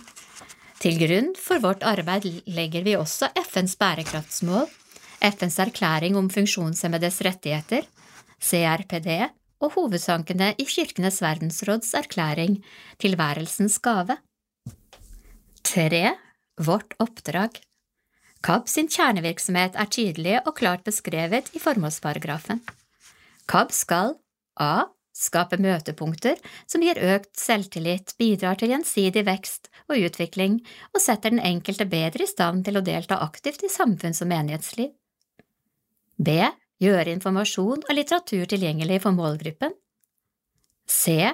Påvirke samfunnet og særlig kristne menigheter og organisasjoner til å gjøre sine tilbud universelt utformet og legge til rette for at syns- og lesehemmede blir aktive deltakere. KAB har et særlig ansvar for å delta i samtalen om teologiske og ideologiske spørsmål som angår våre medlemmer, som for eksempel helbredelse, menneskesyn og likeverd. KAB sitt fagforum er vår tenketank og arena for å behandle og følge opp slike spørsmål. Fire strategiske satsingsområder 2022 2025 A. Møteplasser lokalt, nasjonalt og digitalt. Vi vil styrke og systematisere vår tilstedeværelse der synshemmede og personer med dysleksi og lesevansker lever og bor. Vi vil bistå og videreutvikle KAB sine lokalforeninger og starte flere der det er grunnlag og mulighet for det. Regionale samlinger som KAB Kortreist skal videreføres og bidra til å samle og inspirere medlemmer, seende støttespillere og lokale menigheter og kirker. Landsomfattende sommersamlinger arrangeres i tilknytning til generalforsamlingen hvert tredje år. I tillegg kan det arrangeres temabaserte samlinger og kurs med deltakere fra hele landet. Digitale tilbud skal utvikles videre slik at flere kan delta, blant annet på kurs og møter for ulike målgrupper.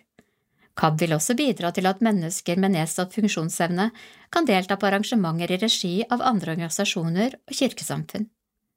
B. Brukermedvirkning og frivillighet. KAB ønsker å legge til rette for aktiv brukermedvirkning og frivillig arbeid i hele organisasjonen. I løpet av perioden skal det settes i verk tiltak for å rekruttere flere frivillige, både i målgruppen og blant seende støttespillere. Med flere frivillige når vi lenger ut med våre tilbud, skaper engasjement og gjør KAB bedre kjent. Aktuelle oppgaver for frivillige kan være å styrke kontakten mellom medlemmer, delta aktivt i vårt informasjons- og påvirkningsarbeid, delta med ledsageroppgaver osv. KAB sine målgrupper skal involveres og delta aktivt i utviklingen av nye tjenester og i planlegging, gjennomføring og evaluering av arrangementer. C. Innholdsproduksjon, tilgjengelighet og teknologi. KAB skal videreutvikle og styrke sin bibliotektjeneste. I samarbeid med Nasjonalbiblioteket skal vi videreutvikle og sikre et godt og bredt bibliotektilbud med høy faglig kompetanse innen litteratur og drift av tilrettelagt bibliotektjenester. Vi vil bygge videre på det gode samarbeidet med Norsk lyd- og blindeskriftbibliotek, NLB. Vi skal fortsette å bruke og utvikle en felles utlånsplattform for å formidle innhold til våre målgrupper. KAB skal være en del av NLB sitt produksjonsmiljø og vil så langt det er mulig tilpasse seg de produksjonstekniske kravene NLB stiller. Vi skal i mindre grad ha egne tekniske produksjonsløsninger for lydproduksjon, men etablere samarbeid med kvalifiserte leverandører innen produksjon av ulike former for tilgjengeliggjort innhold. I løpet av perioden skal KAB tilby litteratur og innhold etter EPUB 3-standarden, denne danner grunnlag for lydboka, punkt, storskrift og salesyntese. KAB skal øke og videreutvikle punkt- og storskrifttilbudet sitt i samarbeid med aktuelle fagmiljøer. Det er svært viktig at KAB styrker sin kompetanse om hvordan synshemmede og personer med dysleksi og lesevansker benytter seg av digital teknologi. Vi skal knytte til oss kunnskaps- og kompetansemiljøer slik at vi blir i stand til å gi støtte til våre brukere og medlemmer. KAB skal produsere og publisere egne podkaster med informasjon og temaer som er relevante for målgruppen. D. Barn og ungdom KAB vil medvirke til at barn og ungdom i våre målgrupper får oppfylt sin rett til trosopplæring. Vi vil gjøre en ekstra innsats for å rekruttere yngre aldersgrupper og utvikle et nytt barne- og ungdomsarbeid med gode møteplasser både fysisk og digitalt. Det skal arbeides med et podkasttilbud til barn i samarbeid med andre organisasjoner. E. Innvandrere og minoriteter. Det er et mål at minoriteter skal inkluderes i KAB sine tilbud. I perioden vil vi spesielt arbeide med synshemmede innvandrere og andre med ikke-norsk etnisk bakgrunn. F. Bemanning og kompetanse. Vi vil heve kompetansen hos de ansatte på områder som knytter seg til våre kjernevirksomhet, som for eksempel synstap og dysleksi, diakoni, sjelesorg og universell utforming. Dette kan skje ved å kartlegge kompetansen i staben og legge til rette for videreutdanning og kursing av ansatte og ved nyrekruttering. KAB skal øke sin kompetanse og ta i bruk gode verktøy innen prosjektledelse og prosjektstyring.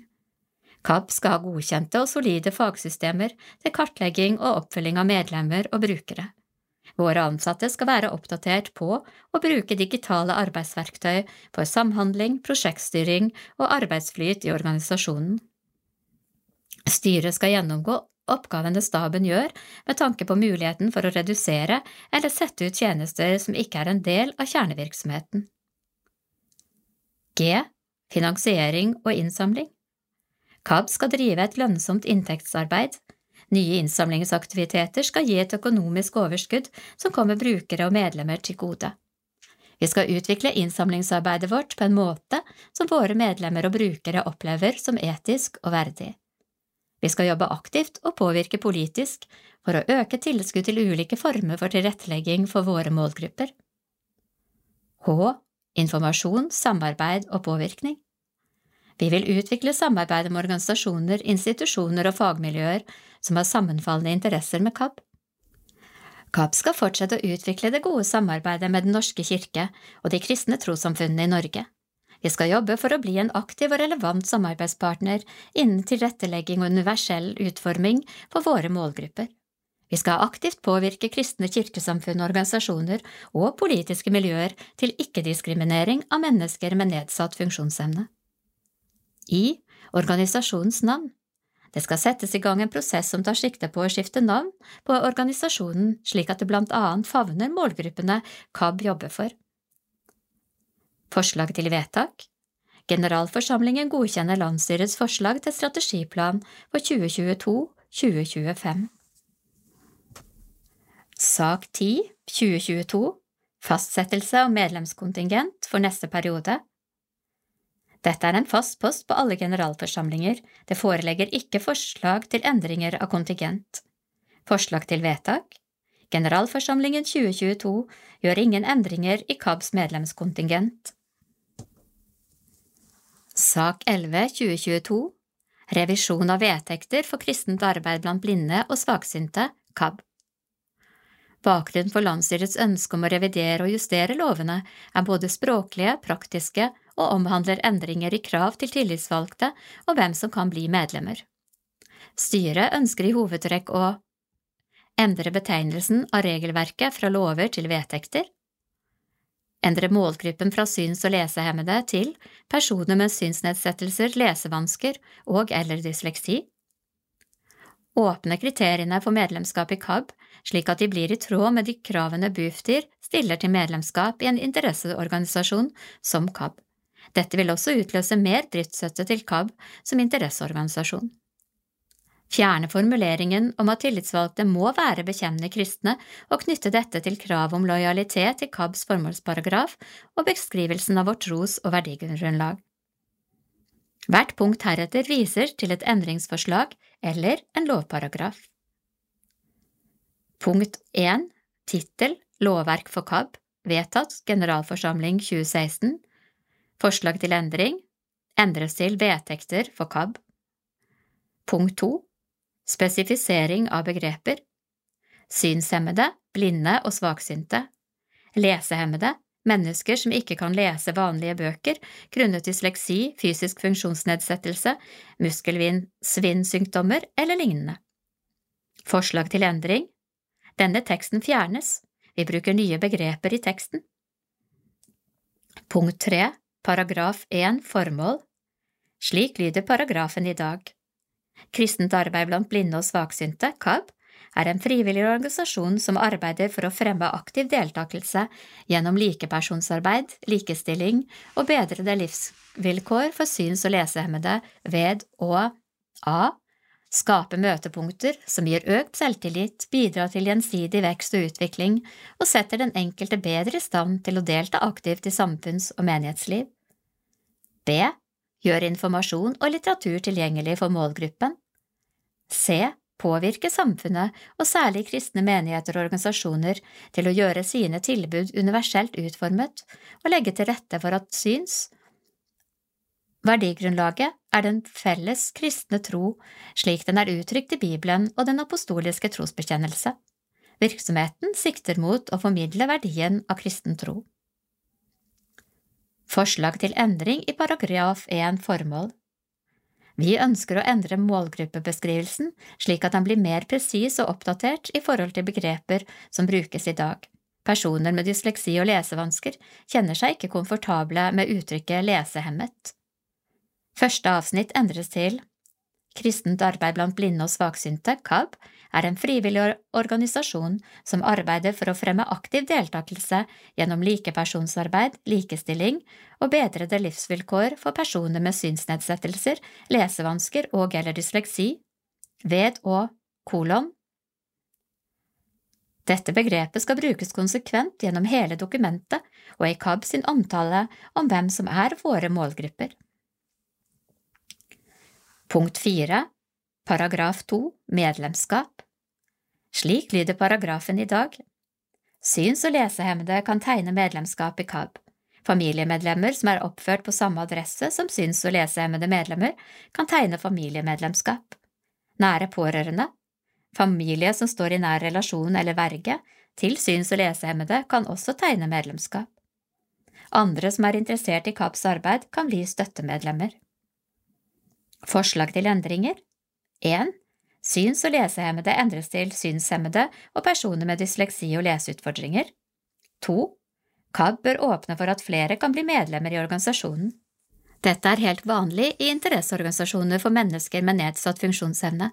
I tillegg til brukere som har diagnose som er godkjent for å bruke tjenestene, så kan alle andre som ønsker å støtte KABs sak, oppnå samme status. Hvorfor ønsker vi dette?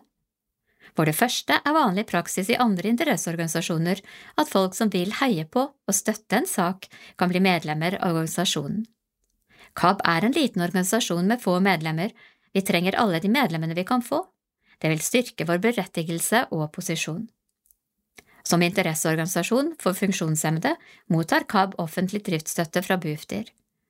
Direktoratet beskriver i sine retningslinjer at det ikke er noe krav at medlemmene må ha en funksjonsnedsettelse for å kunne være fullverdige og tellende medlemmer. Dette har vi undersøkt og drøftet med direktoratet. Medlemskap i KAB utløser om lag 1300 kroner i driftsstøtte per medlem. I dag mottar KAB 676 000 i driftsstøtte. En dobling av medlemsmassen vil doble tilskuddet. Hva betyr dette i praksis? Alle medlemmer skal ha fulle demokratiske rettigheter, det vil si at de har stemmerett og at de er valgbare til alle organer i KAB. Med personer som ikke har funksjonsnedsettelser som er knyttet til organisasjonens formål eller er pårørende, kan de ikke ha flertall i organisasjonen. Det må alltid være flest med funksjonsnedsettelse eller pårørendemedlemmer. Organisasjonen må eventuelt sette et medlemstak som kan justeres over tid. I tillegg skal funksjonshemmede og deres pårørende alltid ha flertall i alle styrende ledd i organisasjonen.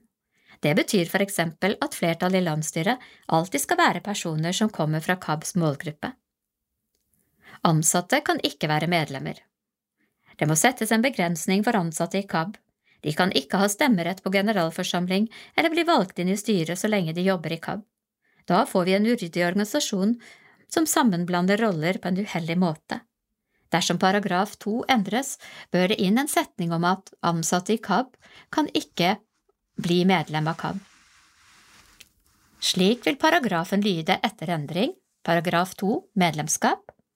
Personer med synsnedsettelser, lesevansker og eller dysleksi, deres pårørende og andre interesserte som vil støtte KABs formål, kan tegne medlemskap i KAB. Det gis anledning til å tegne familiemedlemskap, forutsatt at dette tegnes på samme bostedsadresse som et personlig hovedmedlem. Medlemskap gir fulle demokratiske rettigheter i organisasjonen. Men alle styrende organer i KAB skal alltid ha flertall av medlemmer fra målgruppa og deres pårørende, slik den er beskrevet i formålsparagrafen. Ansatte i KAB kan ikke være medlemmer av KAB. Medlemskontingenten fastsettes av KABs generalforsamling og skal være innbetalt senest 31. desember. Punkt 5 Paragraf 3 Generalforsamlingen Slik lyder paragrafen i dag. Generalforsamlingen er KABs høyeste myndighet. Generalforsamling avholdes hvert tredje år i perioden mai til august. Tid og sted for generalforsamlingen bestemmes av landsstyret. Ordinær generalforsamling kunngjøres for medlemmene minst fire måneder på forhånd. Saker som ønskes behandlet, må være styret i hende senest to måneder før generalforsamlingen. Saksdokumenter gjøres kjent for medlemmene en måned før generalforsamlingen. Godkjent protokoll skal foreligge senest fire uker etter generalforsamlingen. Medlemmer som har fylt 15 år og som har betalt kontingent, har tale-, forslags- og stemmerett på generalforsamlingen. Valgte representanter av landsstyret eller lokale foreningers styrer som ikke er medlemmer, har tale- og forslagsrett, men ikke stemmerett på generalforsamlingen. Alle tillitsvalgte i organisasjonen skal være bekjennende kristne. Forslag til endring Landsstyret ønsker å endre formuleringen om at alle tillitsvalgte i organisasjonen skal være bekjennende kristne. Hva bør ikke ha en bekjennelsesparagraf, for mange troende er svært fremmede og skulle avlegge en bekjennelse for å bli godkjent for ulike verv. Styret foreslår at det endres til alle tillitsvalgte skal være lojale mot KABs formålsparagraf, som bygger på den felles kristne tro slik den er uttrykt i Bibelen og den apostoliske trosbekjennelse. Punkt 6, paragraf 4, Generalforsamlingens funksjoner. Slik lyder paragrafen i dag. Generalforsamlingen ledes av valgte dirigenter, og valgte referenter fører protokoll. På generalforsamlingen behandles følgende saker valg av dirigenter, referenter, tellekorps og to medlemmer til å undertegne protokollen. B. Godkjenning av innkalling og saksliste. C. Regnskap for de tre foregående år legges frem til orientering. Budsjett for inneværende år legges frem til orientering. D. Godkjenning av landsstyrets melding fra siste treårsperiode. E. Retningslinjer og planer for den fremtidige virksomheten. F. Fastsettelse, kontingenten for medlemskap, familiemedlemskap og støttemedlemskap. G. Valg av landsstyre på fem medlemmer leder, nestleder, sekretær, fjerde styremedlem, femte styremedlem samt tre varamedlemmer. H. Valg av valgkomité på tre medlemmer samt ett varamedlem. I. Andre saker til behandling. Avgjørelse på generalforsamlingen skjer med alminnelig flertall når disse lover ikke bestemmer noe annet. Alle avstemninger skal skje ved navneopprop, bortsett fra valg som skjer skriftlig. Generalforsamlingen kan vedta annen voteringsmåte. Forslag til endring Dersom medlemskapet endres til å være åpent, må punkt F i paragraf 4 endres til F. Fastsettelse av kontingent for medlemskap. Punkt 7, paragraf 5 Ekstraordinær generalforsamling. Slik lyder paragrafen i dag. Ekstraordinær generalforsamling kalles sammen når landsstyret finner det nødvendig, eller når minst 25% av medlemmene krever det. Ekstraordinær generalforsamling kunngjøres for medlemmene minst fire uker før generalforsamlingen finner sted. Ekstraordinær generalforsamling kan bare behandle de saker den er kalt sammen for, og foretar de valg som kan bli en følge av møtets vedtak. Protokoll skal utferdiges og vedtas før møtet heves. Ingen forslag til endringer. Punkt 8. Paragraf 6 Landsstyret Slik lyder paragrafen i dag. Landsstyret skal lede KABs arbeid mellom generalforsamlingene. Det pålegger landsstyret å forberede de saker som skal legges fram for generalforsamlingen. Landsstyret skal arbeide for å gjøre KABs tilbud kjent og tilgjengelig for syns- og lesehemmede. Landsstyret har fullmakt til å kjøpe, selge og pantsette fast eiendom. Organisasjonen tegnes av generalsekretær og landsstyrets leder i fellesskap. Landsstyret vedtar budsjett og regnskap. Forslag til endring Syns- og lesehemmede endres til personer med synsnedsettelser, lesevansker og eller dysleksi. Punkt 9, paragraf 7 Landsstyrets sammensetning og funksjonstid Slik lyder paragrafen i dag. Landsstyrets leder og nestleder må være syns- eller lesehemmet medlem. Alle landsstyrets medlemmer og varamedlemmer velges på hver generalforsamling. Landsstyrets er beslutningsdyktig når minst fire av medlemmene valgt av generalforsamlingen er til stede. Ved stemmelikhet er lederens stemme avgjørende. Syns- og lesehemmede medlemmer må ha flertall i landsstyret. Landsstyret kan nedsette et arbeidsutvalg. Vedtakene i arbeidsutvalget må godkjennes av landsstyret. Forslag til endring Første setning Landsstyrets leder og nestleder må være synshemmet eller lesehemmet medlem endres til Landsstyrets leder og nestleder må være et medlem med synsnedsettelser, lesevansker og eller dysleksi.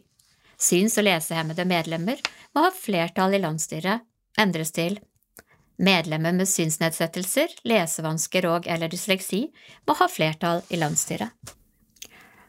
Punkt 10 Paragraf 8 KABs ansatte slik lyder paragrafen i dag. KABs medarbeidere ansettes av og står ansvarlige overfor landsstyret. Generalsekretær forbereder saker for landsstyret og deltar på landsstyrets møter med tale- og forslagsrett. Generalsekretær plikter å holde landsstyret løpende orientert om virksomheten.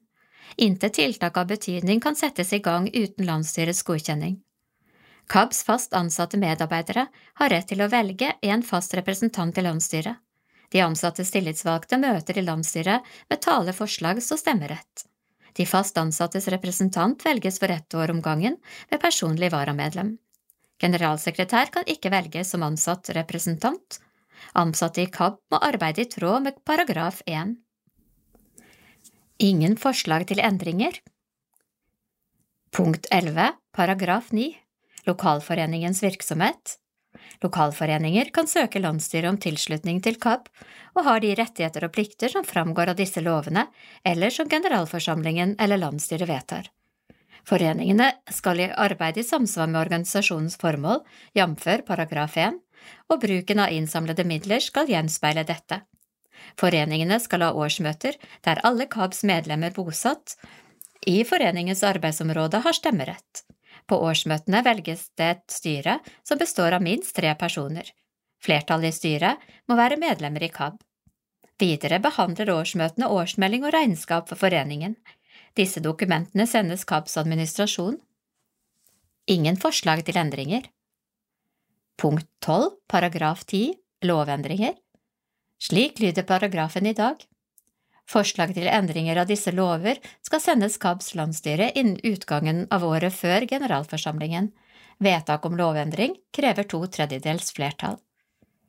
Forslag til endring Tittel endres til paragraf 10 vedtektsendringer. Videre bytter vi ut lover med vedtekter. Forslaget til endringer av disse vedtekter skal sendes KABs landsstyre innen utgangen av året før generalforsamlingen. Vedtak om vedtektsendringer krever to tredjedels flertall. Punkt 13, paragraf 11, oppløsning. Slik lyder paragrafen i dag. Forslag om oppløsning av KAB må fremmes gjennom landsstyret, som forbereder og fremmer saken for generalforsamlingen.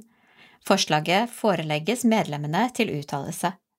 Forslag om oppløsning må være tilrådd av et enstemmig landsstyre. Vedtak om oppløsning krever tre fjerdedels flertall på to påfølgende ordinære generalforsamlinger. Organisasjonens midler skal i tilfelle oppløsning avsettes til arbeid blant syns- og lesehemmede i samsvar med disse lovers formålsparagraf. Ingen forslag til endringer. Sak 12 2022 Valg av landsstyre Det avholdes generalforsamling hvert tredje år, og valgordningen er slik at alle kandidatene står på valg. Valgkomiteen har derfor fått i oppdrag å komme med forslag på kandidater til alle posisjonene i styret. Landsstyret for perioden 2019 til 2022 har bestått av Kjersti Lium, leder, Sissel Bredvei, nestleder, Heidi Andersen Madsen, tredje styremedlem, Ove Hesja, fjerde styremedlem, Mette Lilleng, femte styremedlem, Marianne Skill Reinsnes, første varamedlem, Katrine Alsen, andre varamedlem, Bjørn Hansen, tredje varamedlem. Kari Kvernhus Engen Underland, ansattes representant, Hilde Løven Gromstad, vara for ansattes representant. Valgkomiteens forslag til nytt styre for perioden 2022 til 2025 legges fram under generalforsamlingen. Valgkomiteen har gjort et solid stykke arbeid og valgt ut kandidater de mener gir landsstyret en god sammensetning, faglig kunnskap og for representasjon. Det er lov å komme med benkeforslag under KAPS sin generalforsamling, men kandidater som foreslås, må alltid forespørres på forhånd. Sak 13 2022 Valg av valgkomité Valgkomiteen har i perioden 2019 til 2022 bestått av Magne Bjørdal, leder, Inger Anne Ilebekk og Irene Bøhn, Wenche Borgen Odden, varamedlem. Forslag til ny valgkomité presenteres på generalforsamlingen. Regnskap for KAB og KAB-produksjon AS og budsjett blir ikke lest, men de som ønsker en gjennomgang får dette i forkant av generalforsamlingen på Hurdal.